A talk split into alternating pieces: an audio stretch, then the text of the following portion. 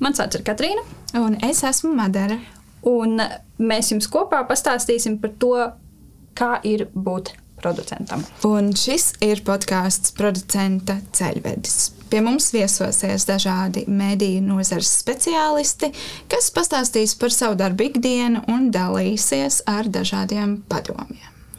Un mūsu šīs dienas tēma ir radioproducēšana.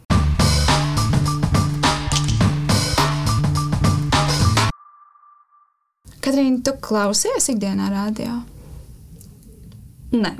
Es agrāk klausījos radio katru dienu, braucot uz un no skolas, bet tagad pēdējā laikā es uh, klausos radio tikai mašīnā. Un, ja es viņu klausos, tad tikai tāpēc, ka, kā lai tā izpaskaidro, man mašīnā ir Bluetooth receivers. Es viņu iesprāžu mašīnā, un man ir frekvence 108, kuru lielākā daļa cilvēku izmanto, kas man telefonu savieno ar mašīnas numiņām, un man skan mūzika, man Spotify. Uh, bet dažreiz, kad ir divas mašīnas, kas izmanto vienu frekvenci blakus, tad tev skan cita cilvēka mūzika. Dažreiz man tas nepatīk, un dažreiz stāv sastrēgumos ar vienu ar cilvēku, kuram skan kaut kāda Taylor Swift, piemēram, kas man ļoti nepatīk. Un tad es ieslēdzu piecēlē. jo to vismaz es varu klausīties, nevis uh, to, ko klausās blakus mašīnā esošais cilvēks. Tā kā tas ir diezgan reti, bet, bet uh, es mēdzu, jā, sastrēgumu piespiež darīt tādas lietas. Jā, man liekas, ka mašīnās sastrēgumos tā ir vieta, kur cilvēki visbiežāk klausās radio. Jā, un īpaši te, kad tev ir ļoti ilgi jāstāv, un tā mašīna ir tieši aizmugurē, un tu tā kā speciāli pabrauc uz priekšu, tuvāk tai priekšējai mašīnai, bet viņš, ah, tu gribi metra distanci. Labi. un tad turpina tev, tev, tev bāzt smadzenēs savu mūziku. Tad, tad, jā, tad ir, tad ir neizturami, tad vajag parasto rādīju. Man liekas, ka mēs esam mazliet izlutināti ar to visu, kā on demand, kādu dziesmu gribam, tādu liekam, ko gribam, to liekam. Jā, bet es to ļoti izbaudu. Es Jā. uh, praktiski radio vispār neklausos. Tas nav kaut kas tāds, ko es izvēlos. Un, uh, es klausos to, kas man patīk, to, ko es gribu dzirdēt, nevis uh, to, kas skan. Bet tas ir par mūziku runājot, kā ar, piemēram, kaut kādiem radio raidījumiem? Tos es klausos ļoti reti. Es mēdzu paklausīties reportāžu. Uh, Latvijas radio 5. Jā. jā. Es mēdzu paklausīties arī 5 LV kaut kādus podkāstus, bet tos es klausos YouTube vai arī Spotify. Un es nekad, man liekas, neklausos tiešraidē. Bet vispār cilvēki diezgan daudz klausās radio, vairāk par uh, kaut kādiem 60% Latvijas iedzīvotāju. Jā, tāpēc, kad, tas ir uh, ieradums mašīnā vai, vai kā. Es patiesībā biju šokā, tad, kad es uh, uzsāku praksi Uh, Latvijas Rādio 5. Es biju šokā par to, cik patiesībā daudz cilvēku joprojām klausās radio. Bet tas bija nevis sliktā ziņā šokā, bet labā ziņā šokā. Es biju patīkami pārsteigta. Man uzreiz sirdī bija tāda sajūta, ka oh, cilvēkiem kā joprojām interesē un tas joprojām ir svarīgi. Un man tas likās ļoti patīkami. Jā, man liekas, ka es lasīju, ka salīdzinoši tas uh, klausījums skaits ir pamazinājies tikai par kaut kādiem 4%. Tas klausītāju skaits ir apmēram tāds vienlīdzīgs, laikam ejot cauri, un nav tā, ka rādījā ir kaut kas tāds, kas izzūd.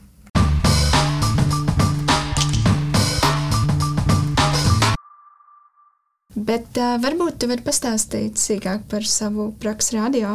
Ko tu darīji, kā tev gāja? Ar ko es sāku? Es aizgāju uz praksi, nezinot, ko es no tās sagaidu. Uh, jo es jau biju sākusi veidot podkāstus, nu, podkāstu, nē, es piedalījos vairāk podkāstu producēšanā.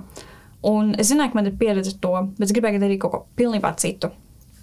Un, uh, no sākuma es palīdzēju ar uh, uh, YouTube raidījumu kā, veidošanu, bet uh, pēc tam vēlāk uh, es sāku darboties arī ar uh, raidījumu producēšanas asistēšanu. Tas bija uh, mana pirmā reize, nu, mans pirmais randiņš, mana pirmā reize, vēlāk arī rīta rādio.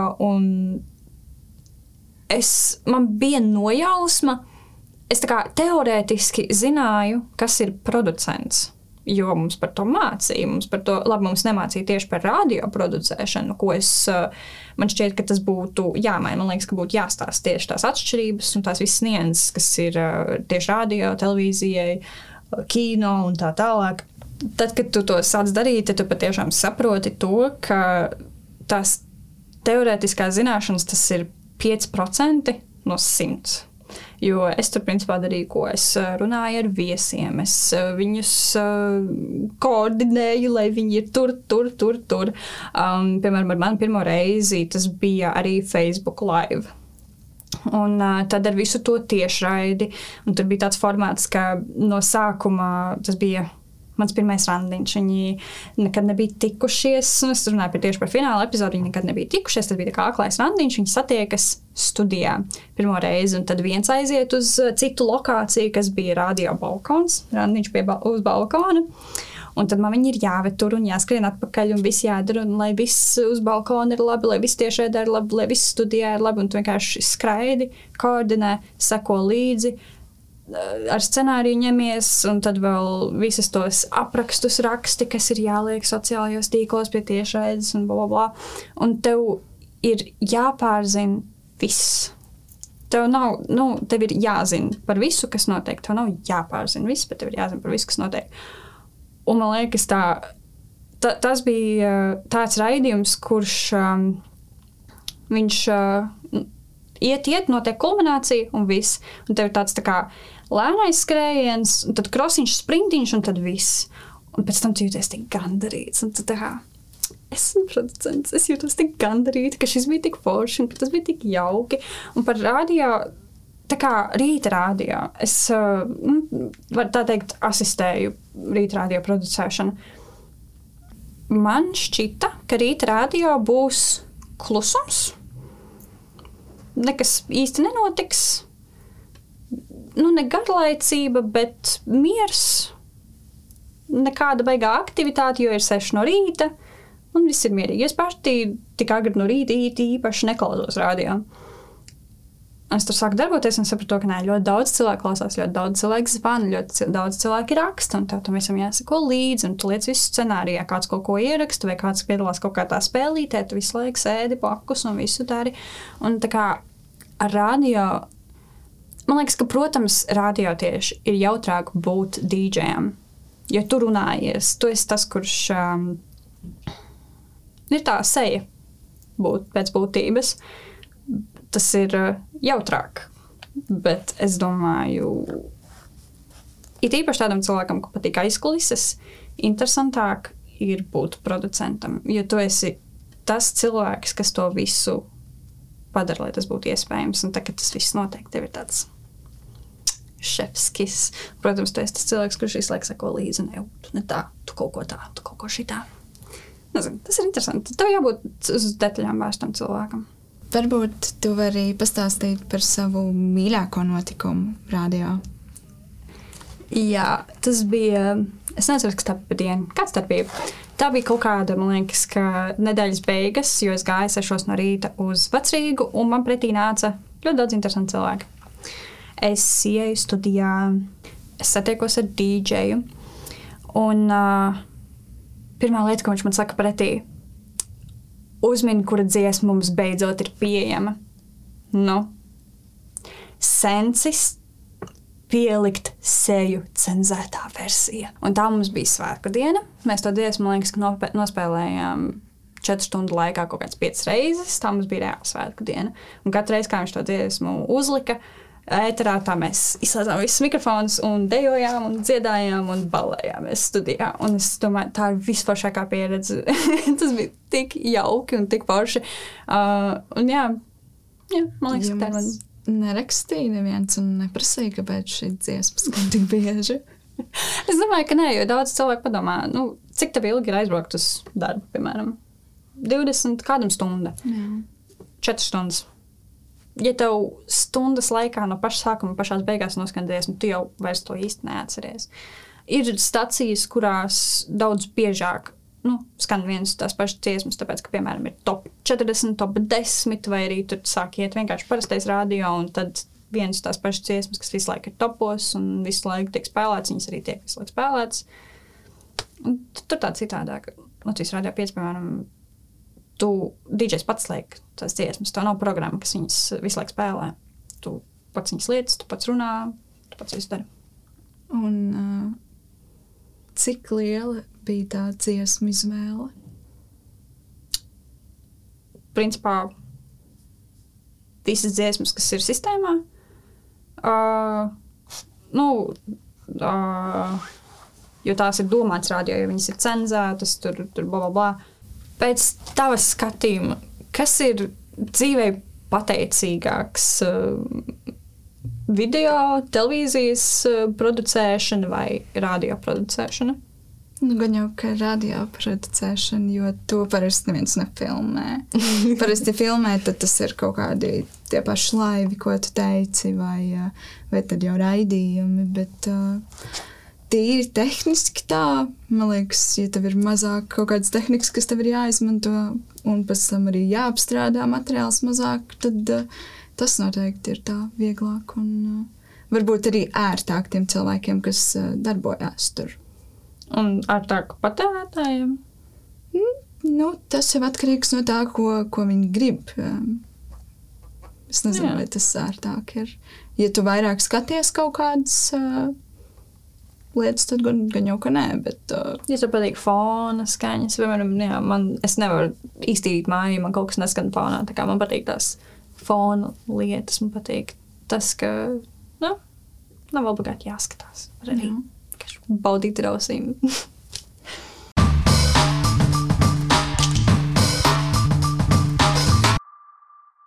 Pie mums šodien studijā ciemos ir ieradies Latvijas Radio 5, 5 LV producents un programmu vadītājs Toms Putniņš. Čau, čau, čau, čau. čau. Varbūt uh, pāris vārdos vari sākumā iepazīstināt ar sevi, ar ko tu nodarbojies.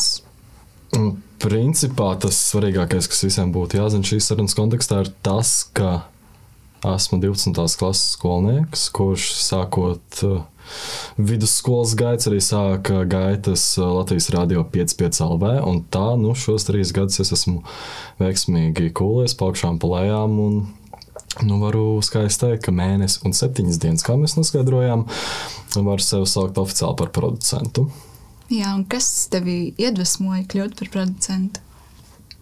ja, god, ja godīgi, īsti nekas, nu, ja mēs runājam tīri saistībā ar producēšanu, jo kaut kad mm, 8. un 9. klasē, nu, uz pamatskolas beigām, kad uh, jaunā izglītības programma liek domāt, ko tad jaunatne darīs nākotnē, par ko strādāsim, uh, tad es, uh, kā tāds naivs jauneklis, domāju, ka kļūšu par žurnālistu, un tā arī kaut kā parādījās tā vēlme mm, doties aplūkot, kas labs notiek radio, jo radio pretēji televīzijai man vienmēr licies tāds mistiskāks mēdījis. Jo televīzijā tur ir kameras, tu daudz maz visu redz, protams. Kā es arī šajos trīs gados esmu noskaidrojis, televīzijā notiek arī daudz citas interesantas lietas, ko mēs uh, kadrā neredzam. Bet tāpat radio vienmēr ir šis tāds mistiskāks. Tas man kaut kā aizrāva. Un tad es uh, tā brīža atbildīgiem Latvijas Rādio 5 teicu, ka hei, gribētos, gribētos būt daļai no jums un tā kaut kā arī pa kalniem palējām beigās nonāca līdz tam momentam, ka es 20. gada septembrī sāku strādāt Svētdienās, kā raidījuma vadītājs. Un tad kaut kā laika gaitā es sapratu, ka vadīt, vadīt raidījumus ir forši. Noteikti pieredze, kas ikvienam, kas vēl strādāt radio, agrāk vai vēlāk, ir jāizmēģina, jo tā ir neatņemama pieredze. Bet kaut kā es sapratu, ka es esmu daudz um, vērtīgāks. Um, ražīgāks. Tas ir vārds, ko varētu lietot šajā gadījumā, producējot, tā, neatrodoties mikrofona priekšā un tā kaut kā. Uh, dažādu apstākļu sakritību dēļ arī sanāca, ka es dabūju to producentu amatu. Jā, un tad ar ko tu tieši šobrīd nodarbojies kā producents? Principā ātros, ātros vilcienos viss, ko uh, ik viens piecēlvē klausītājs dzird darba dienās no diviem līdz astoņiem. Aizētarā tur ik pa laikam atrodos es, kurš ir atbildīgs par scenārijiem, saturu, intervijām. Visu, visu, visu, kas notiek starp dziesmām. Vairāk vai mazāk tur ir bijis klāts mans pirksts, protams, arī dīdžeji ar savu iniciatīvu dodas un, un dara, kas ir pareizs. Kas arī ir pareizi. Bet uh, lielākoties tas saturs, ko ik viens var dzirdēt no 2 līdz 8 vakarā, es esmu tas, kurš ar šo saturu krāmēs katru dienu. Un kas ir varbūt tādi tavi tiešie darba pienākumi? Mm, kad es sāku strādāt, es vispār esmu cilvēks, kuram pat vajag definēt visu. Viss ir jādara ar jēgu, jo, ja es kaut kam neredzu jēgu vai īsto laiku, tad es to vienkārši nedarīšu. Man nebūs motivācija to darīt. Un, kad es sāku strādāt, es sev definēju tādas trīs galvenās lietas, ko es daru. Ir īstermiņa lietas, jeb scenārija taisīšana nākamajām dienām, un, ja tajā dienā, tajā eterā ir kaut kas noticis, tad tas arī ir jāatbūvē zāru, sociāliem tīkliem, un tad man arī tas ir jākoordinē kopā ar sociālo tīklu redaktoru. Tie ir tādi īstermiņa pienākumi, tad ir tādi vidēji termiņa notikumi, kas ir kaut kādi pasākumi. Piemēram, tagad Eirovīzijas nedēļā man bija aprīļa sākumā jau jāsāk domāt, ko mēs darīsim Eirovīzijas nedēļā. Beigās mēs nonācām pie tā, ka Edgars Bāliņš katru dienu dzīvē no Liverpools pieslēdz un runā ar Lindu Samsonovu. Tāpat lūk, ir vairāk šādi pasākumi, kurus es mēnesi, divus iepriekš identificēju kā tāds, par kuriem mums būs jārunā ētrā. Un tad es domāju, kā mēs ko darīsim. Un tad trešais noslēdzošais bloks ir tādi ilgtermiņa, ilgtermiņa projekti, kas ir mm, tāda raidījuma vīzija kopumā, ko es vēlos redzēt šajā ētera laikā pēc pusgada. Teiksim, vai mēs uh, esam ar tādu pašu vadītāju, vai mēs kaut kādas rubrikas mainām, kaut ko tādu, tad tas man arī ir. Uh, tajā savā darba dienā jāietilpina, ik pa laikam padomāt, kā es redzu šo raidījumu augam nākamajos sešos, vairāk mēnešos. Un cik daudz laika tev tas aizņem ikdienā? Nu, piemēram, sagatavoties šiem īstermiņa plāniem mm. un ilgtermiņu. Šeit es nezinu, kā atbildēšu citi producenti no citām sfērām, bet man liekas, visklišejiskākā lieta, ko producents var pateikt, ir tas, ka producenta darbs nav nevienā laikrāmī ierobežots. Tas ir kaut kas, par ko tu. Un, un es saprotu, ka vienā momentā es atapšos ļoti lielā draņķīgā situācijā, ka es sapratīšu, ka tas nav ok, bet producenta darbs ir no rīta līdz vakaram, tu pamosties, tā gulēt visu laiku ar kaut kādām domām par to, kas varētu aiziet tētrā. Un, un tas varbūt izklausās ļoti slikti, ka es no rīta līdz vakaram domāju par darbu, bet tas ir tās arī vismazākās lietas, piemēram, kādu jautājumu uzdot prāta vētrai. Viņi, piemēram, piekdienā nāk ciemos, ir otrdiena, un tad es staigāju pa Rīgas ielām, domāju ikdienas domas, un tad pēkšņi man ienāk prātā, o, šo uzdosim prāta vētrai. Nu, tās ir tās mazās lietiņas, kas. Nu, gan jau tās dienas laikā sakas to pilno slodzi, bet tā, ka es varu droši teikt, es no 9 rītā līdz 5 vakarā esmu radio uz vietas strādājot. Noteikti ne tas fragmentēti, bet nu, darbiņš dienas laikā tāds gan, gan ietilpīgs. Jā, aizņem diezgan daudz tādu laika. Ir, jā. Mēs, man liekas, šeit diezgan daudz runājām par to, ka tad, kad tu esi producents, tad tu esi visu laiku, visur, tu zini visu, mm -hmm. un tas darbs ir tāds uh, um, nebeidzams. Jā. Visu laiku ir kaut kas, ar ko tu darbojies. Un, uh, neaizmirsti. Bet, tā... Principā tā ir tā sociālajos tīklos, un tu atrod kaut kādu ziņu storiju. Tiesa vēl es neesmu ieslēdzis to pilno, pilno mindset, ka es uz pilnīgi visu skatos, kā uz saturu, par kuru runāt ētrā. Uh, lai gan ir momenti, kurus kādreiz arī palaidu garām, kas būtu bijis rītīgi forši ētrā, bet principā tā ir tu jebkurā informācijas avotā un tu skaties, mm, par šo varētu parunāt, par šo varētu parunāt, par šo varētu. Šī vispār ir vesela rubrika. Nu, tā, ka mm, nedaudz bailīgi pa laikam ir, bet viss jau kārtībā. Jā, bet eh, kas, tu teikt, ir tas sarežģītākais visā šajā procesā? Un vai pieņemsim, citreiz nav tā, ka nav par ko parunāt, un ka tev vienkārši nenāk šīs idejas galvā? kaut kādā ziņā, kad nu, labi, ir vēl pagājis tikai mēnesis un septiņas dienas. Tad uz, uz tāda aizberga vēl neesmu uznācis virsū. Um, nu, pagaidām es neredzu pasauli, kurā tev neatradīsies kaut viena ziņa, par kuru nākamajā dienā vai tajā dienā runāt. Tas, man liekas, ir skatoties to informācijas gūzumu, kas mums nāk virsū, es tiešām neredzu, kā kas tāds varētu pienākt. Nu, tādā ziņā pat arī varētu teikt, tas ir tas grūtākais saprast tiešām, kas ir vērtīgs ēteram. Jo nu, idejas ir gan, man ir vairāki pieraksti telefonā, kur ir rentās idejas, kādas rubrikas mēs varētu taisīt ēteram. Nu, realitātē no tām, es teikšu godīgi, simts un kaut cik pagaidām viena, divas ir aizgājušas tā. Un nereti ir momenti, kad tev šķiet, ka šī būs super rubrika, un tad tu to pamēģini notestēt ētrā. Un pēc divām nedēļām saproti, ka bācis, ok, varbūt šis bija rēcīgi pirmo nedēļu, pirmās divas nedēļas, bet ilgtermiņā šis galīgi nestrādā. Un tad arī tev ir jābūt. Um, man kā onam tas nevienmēr sanāk ļoti viegli, bet tev ir jāsaprot, ka neliela sakāve tev ir piemeklējusi un ka tev ir jāpakāpj dažus soļus atpakaļ. Man kā onam tas mēdz nākt grūti, Bet um, nu, viss, viss notiek. Bet, uh, ko jūs parasti darat tādās situācijās? Mm. Kad kaut kas uh, neaiziet tā, kā jūs esat vēlējušies? Iekšēji atzīst savu sakā, un principā to uzreiz arī uh, iznīcina. Nu, labi, iznīcināt pārāk radikāls vārds. Vārds saka, tas neatkārtojas. Mm. Tad vairāk ēterā, piemēram, Mm, nu, labi, tagad mēs kaut kā vakardienas, pagājušās nedēļas precīzāk notikumu saistībā ar uh, tā aizmirsīšu precīzo to ērgļu sugu, bet Durbē ir šī tiešraide.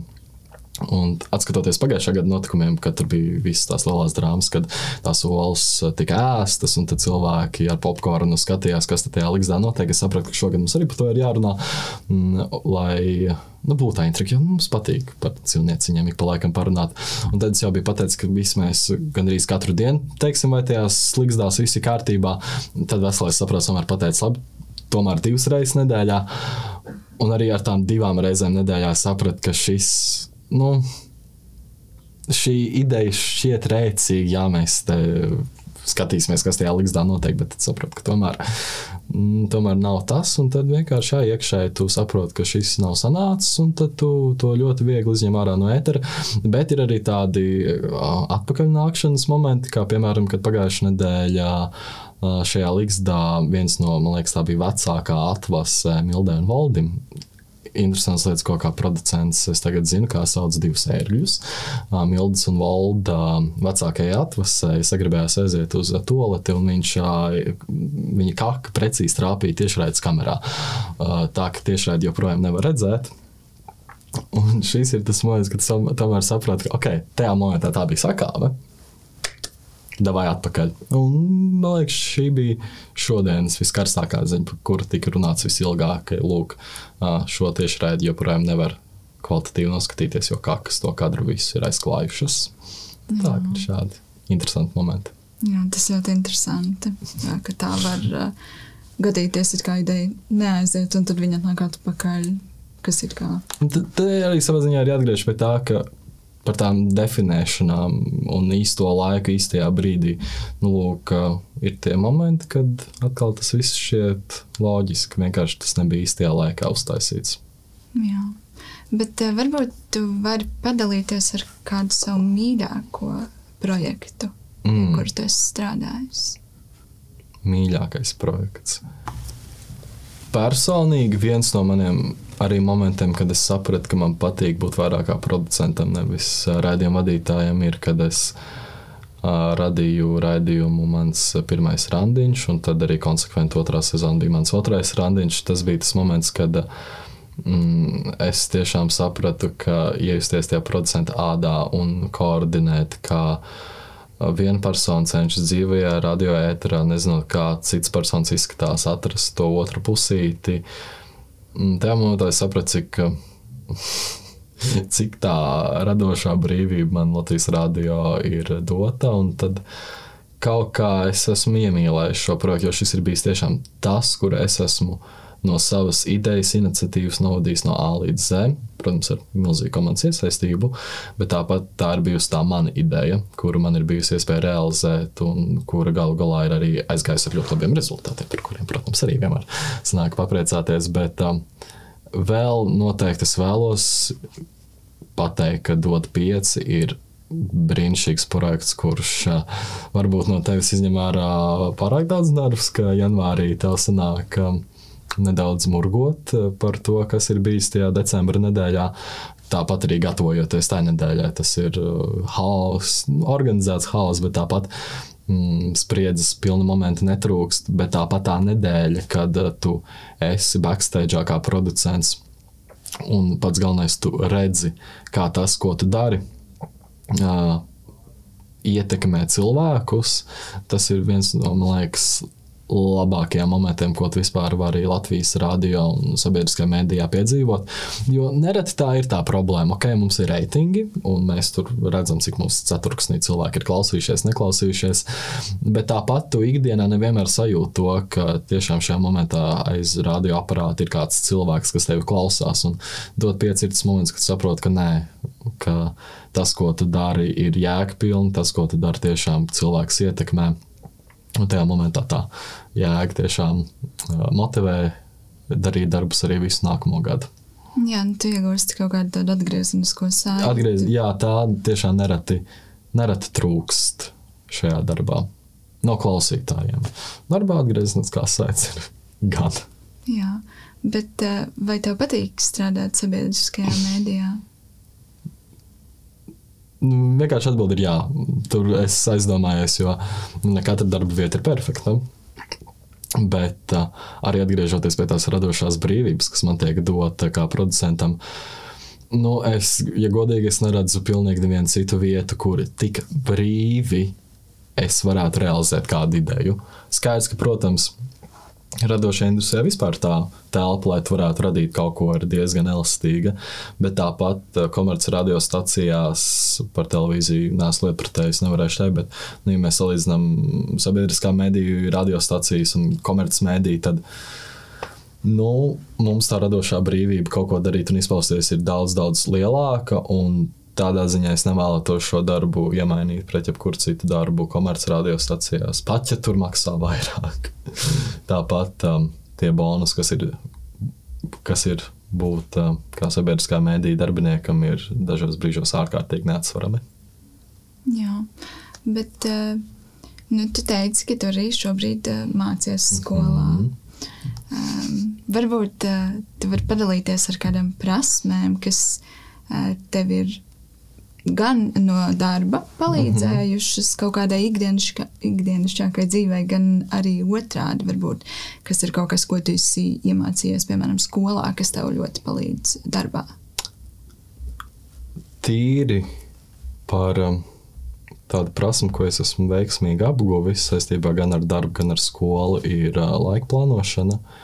Uh, to, protams, jā, grūti ir kādam cilvēkam, kas uh, nav manā pozīcijā. Tiešām grūti izstāstīt, bet uh, tas, ko es esmu sapratis, ja kaut ko ārkārtīgi vēlēs, tad atradīs tam laiku. Nu, es esmu spējīgs mācīties skolā ar teicamām atzīmēm un strādāt uh, Latvijas rādio arī pilnvērtīgi. Tāpat laikā man joprojām ir brīvs brītiņš, lai ar saviem draugiem uh, baudītu dzīvi un uh, darītu jauniešu lietas. Uh, Bet par tādām praktiskākām lietām es nu, noteikti kultūrāli skatoties, darbs radio tev vienkārši piespiež sekot līdzi šī brīža tendencēm un būt uz vietas daudzos kultūrālos pasākumos, par kuriem pēc tam arī rakstīt ierakstīņas kultūras dienas grāmatā, literatūrā, kas ir bijis viennozīmīgi liels uh, bonus, uh, kad uh, tu vari no šāda uzaicināt ar vienu šāvienu, ka tu ej darba darīšanās uz kādu pasākumu, uz kādu koncertu ar domu, ka es pēc tam par šo arī varēšu uzrakstīt kultūras dienas grāmatā. Ka tāda kultūras paplašināšanās man ir piemeklējuši šos trīs gadus. Un vēl ko es varētu foršu pateikt, vispār tas skats uz dzīvi kā tādu. Mm, arī grūti ir to kaut kādā veidā definēt, bet, kad tu esi skolā tad, un paralēli strādā darbā, kur um, tu esi vienā telpā, vienā ēkā ar uh, pieaugušiem cilvēkiem, un uz tevi skatās kā uz vienlīdzīgu šajā darba kolektīvā, tad tu ar laiku saproti to dzīvi pēc skolas, un tad arī skolas laikā skaties uz daudzām lietām daudz, daudz citādāk. Un, piemēram, tagad 12. klasē es um, neteikšu, ka es uzskatu, ka izglītība nav nepieciešama, ka vidējā izglītība nav nepieciešama, bet tomēr es skatos uz daudzām lietām ar tādu. Nu, būtu labi, ja kaut kā tā citādāk mācītu, kas realitāte tiešām būtu noderīgs. Tā kā jā, laika plānošana, kultūras paplašinājums manā uh, smadzeņu krātuvē un arī tāda izpratne par pasauli daudz realistiskākā redzējumā. Jā, bet tīri no tādām tehniskām prasmēm, varbūt ir kaut kas tāds, ko tu būtu gribējis, lai tev parāda, kā darīt, vai pastāst, kā darīt. Man liekas, man par šo, par šo domāju. Vai nu 10. klasē, vai 11. klasē, kad parādījās darbā tādas tehniskas lietas, kas tur ir jādara, piemēram, kaut kāda audio montēšana vai tādas mazas lietiņas. Un, Es aizdomājos, vai, piemēram, to skolā vajadzētu mācīt. Tad es beig beigās nonācu pie secinājuma, ka nu, īsti nē, jo tās ir ļoti nišīgas lietas, kas nav jāmāk visai sabiedrībai, visiem jauniešiem. Tiešām visiem jauniešiem nav jāmāk uh, tur. Uh, montēt audio gabali, uz video likt titrus, ko es pats vēl nemāku, bet pagājušā nedēļā bija ļoti tuva situācija, ka man gandrīz arī to vajadzēja iemācīties. Nu, tādas lietas, kas ir tieši priekš radio. Piemērots un nepieciešams. Jā, protams, bija vairāk momenti, kad uh, es pie sevis domāju, ko kaut kas šo būtu zinājis agrāk. Tāpat laikā ļoti atsaucīgi kolēģi man to visu iemācīja, visu to parādīja, un tagad es to daru ļoti brīvi, bez jebkādām problēmām. Tā kā, jā, protams, ir tādas prasmes, ar kurām tu būtu foršies apveltīts nākot uz rādio, bet pat ja tev šķiet, ka tu zini visu, lai būtu tam darbam piemērots, vienmēr, vienmēr atradīsies kaut kas, ko tu nezini, kas tev būs jāiemācās. Tagad arī šo mēnesi strādājot tiešām es personīgi es tiešām nezināju, ka es šodien uh, cenzēšu šī ārglāna anusu priekš tā video. Nu, ir tādas lietas, kuras. Tiešām neparedz, ka tev tas būs nepieciešams.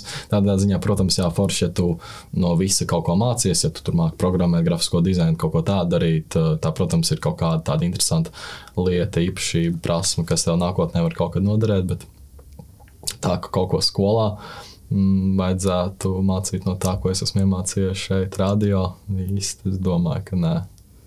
Bet uh, ņemot vērā to, cik uh, daudz cilvēku mūsdienās uh, patērē sociālos mēdījus, uh, nu tā vispārīgi, vai kaut kādām tomēr pamatzināšanām uh, nevajadzētu uh, būt. Nu, pieņemsim, uh, nu, cilvēki, kas nestrādā vecāku radio, mm. viņi tāpat pieņemsim, lieka bildes Instagram vai kaut kādas video un tam līdzīgas lietas. Tā jau ir katra cilvēka tāda paša radošā izpausme. Nav jau kaut kādi noteikumi, kā tavu bildi Instagram. Nē, protams, ir kaut kādi knifiņi, lai tavs stāstījis Instagramā izskatītos tur kvalitatīvāk un, un tā profesionālāk, bet tāpat laikā nu, sociālajā tīklā tomēr. Mm, savā būtībā ir vieta, kur radoši var izpausties. Līdz ar to mm, var te runāt, varbūt kaut ko par mēdīju prasmēm, tā kā kopumā par viltu ziņām un visu to pārējo. Jaukumu, ko mums uh, klātsina apkārt, ir jāmācās, jāmācās, jāmācās jaunieši par šīm lietām un dezinformāciju. Nu, laikam ejot, es pats domāju, vai to vispār nepieciešams darīt. Jo uh, katrs mums, jo tas informācija arī kaut kādā ziņā būvē to mūsu visu skatu uz dzīvi. Un, ja cilvēks vēlas dzīvot pēc dezinformācijas principiem, tad lai viņš arī dzīvo to jauko dzīvi šajā iedomā realitātē. Nu, bet tas ir cita tēma, citai dienai. Tā kā es te drīzāk teiktu, ka cilvēkiem šajā lauciņā ir iespēja dzīvot radošu un brīvu dzīvi, un tad lai arī viņi to izbauda. Un tad eh, noslēdzošais jautājums ir, eh, kas ir kaut kas, ko tu būtu gribējis, lai kāds tev pasaka, pirms tu sāki strādāt radio? Hmm. Kā cilvēkam, kam patīk izaicinājumi, es pat gribētu teikt, ka viss ir bijis perfekti tā, kā tas ir. Jo, mm, mm, Jā, ja godīgi tiešām es neredzu pilnīgi neko, ko, ja es zinātu pirms sākšanas strādāt Latvijas radio, es nezinu, vai tas man būtu palīdzējis, un pat ja tas būtu kaut kādā ziņā ietekmējis to manu strādāšanu tur līdz šim brīdim, es pat varbūt gribētu teikt, tas būtu mīnus un savā ziņā. Um, noteikti es varbūt pat nebūtu šajā pozīcijā, kurā es esmu šobrīd, jo tas, kas uh, jauniešu mēdījiem ir ārkārtīgi svarīgi, ir, ka tev visu laiku ir cilvēki, jaunieši, tiešā mērķa auditorija, kas arī tur rokas pulstam saturam, kas tur tiek ražots. Un tas, ka es ienācu tajā darba vidē kā 16 gadnieks, kas tajā momentā nesapratu pilnīgi neko, uz ko es esmu tur parakstījies, ko es tajā darba līgumā esmu parakstījis. Teikšu, godīgi, nesapratu pilnīgi nevienu momentu no tā visa.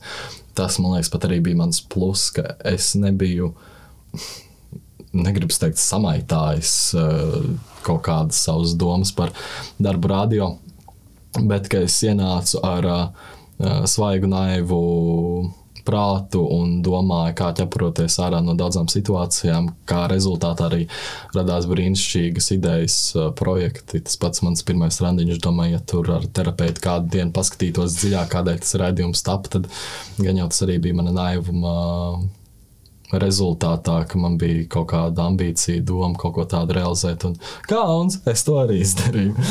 Bet, jā, tiešām arī es kaut ko darīju citādāk, es teiktu, ka nē. Protams, ir bijuši sāpīgi momenti, ir bijuši tiešām ļoti zemi momenti, kas uh, uh, ir likuši iegodīgi tikai sasproties un darīt lietas tālāk, uh, tā lai viss plaukst un zeļ. Jo man liekas, 5LV ir. Mm, pat ja desmit gadus jau iet ētrā, tāpat tur ir milzīgs, milzīgs, milzīgs, milzīgs potenciāls, mm, ko tur vēl attīstīt, taisīt jaunu, pārtaisīt. Tā kā es esmu ārkārtīgi priecīgs, ka es esmu šajā momentā iegūst pozīciju, kur man, mans pienākums ir par to domāt un mainīt lietas tur, ko es kā raidījuma vadītājs īsti. Kaut ko jau es varēju ieteikt saviem kolēģiem, bet īsti man tā spēja kaut ko tādu krasi mainīt nebija. Tagad es izbaudu to, ka man šī auditorija vai, vai ēters ir dots, lai kaut kādas pārmaiņas veiktu. Jā, un izklausās, ka šis tev ir bijis tāds liels piedzīvojums. Un joprojām, un joprojām un, ir. ir jā. Kad tas beigsies, es nezinu. Man vienmēr patīk teikt, ka es esmu uz labu ne uz ilgu laiku, bet tad eh, tas uh, ilgu laiks lēnām tā nāk atpakaļ ar to, ka parādās tāds projektiņš, tāds projektiņš, tāda problēma, ko risināt. Un, un, bet joprojām šis ir ārkārtīgi labs laiks, kurā būt un kurā strādāt. Jā. Nu, labi, paldies tev liels paldies par tev. šo brīnišķīgo sarunu. Un tad jau mēs ceram, ka mēs tevi drīz kaut kur redzēsim, varbūt dzirdēsim.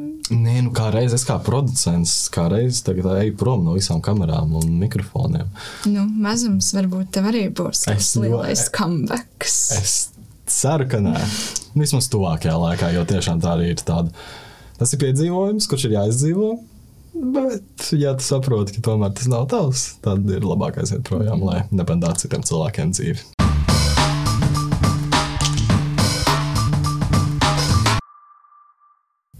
Nu, būtībā tad pēc sarunas ar Tomu mēs sapratām, ka producentiem ir ļoti svarīgi plānot savu laiku. Bet tajā pašā laikā mums ir diezgan liela tāda radošā brīvība. Un nekad neaptrūkstās lietu, par ko runāt, jo tev nepārtraukti ir jāsako līdzi kaut kādām tendencēm un jādomā, kas ir tas, ko pasniegt plašākai publikai. Jā, tīpaši tādā rādio, kur tev ir katru dienu kaut kādi ierastie rutīnas jautājumi. Tu nevari visu laiku runāt par vienu un to pašu. Tev katru dienu jāatrod jaunas tās dienas aktualitātes, vai spilgtākie notikumi, vai, vai kaut kas uh, sulīgs, par ko parunāt, lai cilvēkiem būtu, lai viņi tiktu ierauti tajā. Jā, lai būtu interesanti klausīties. Jā.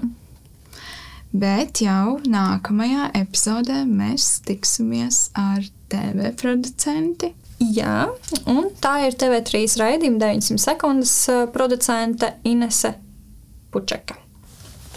Tikamies!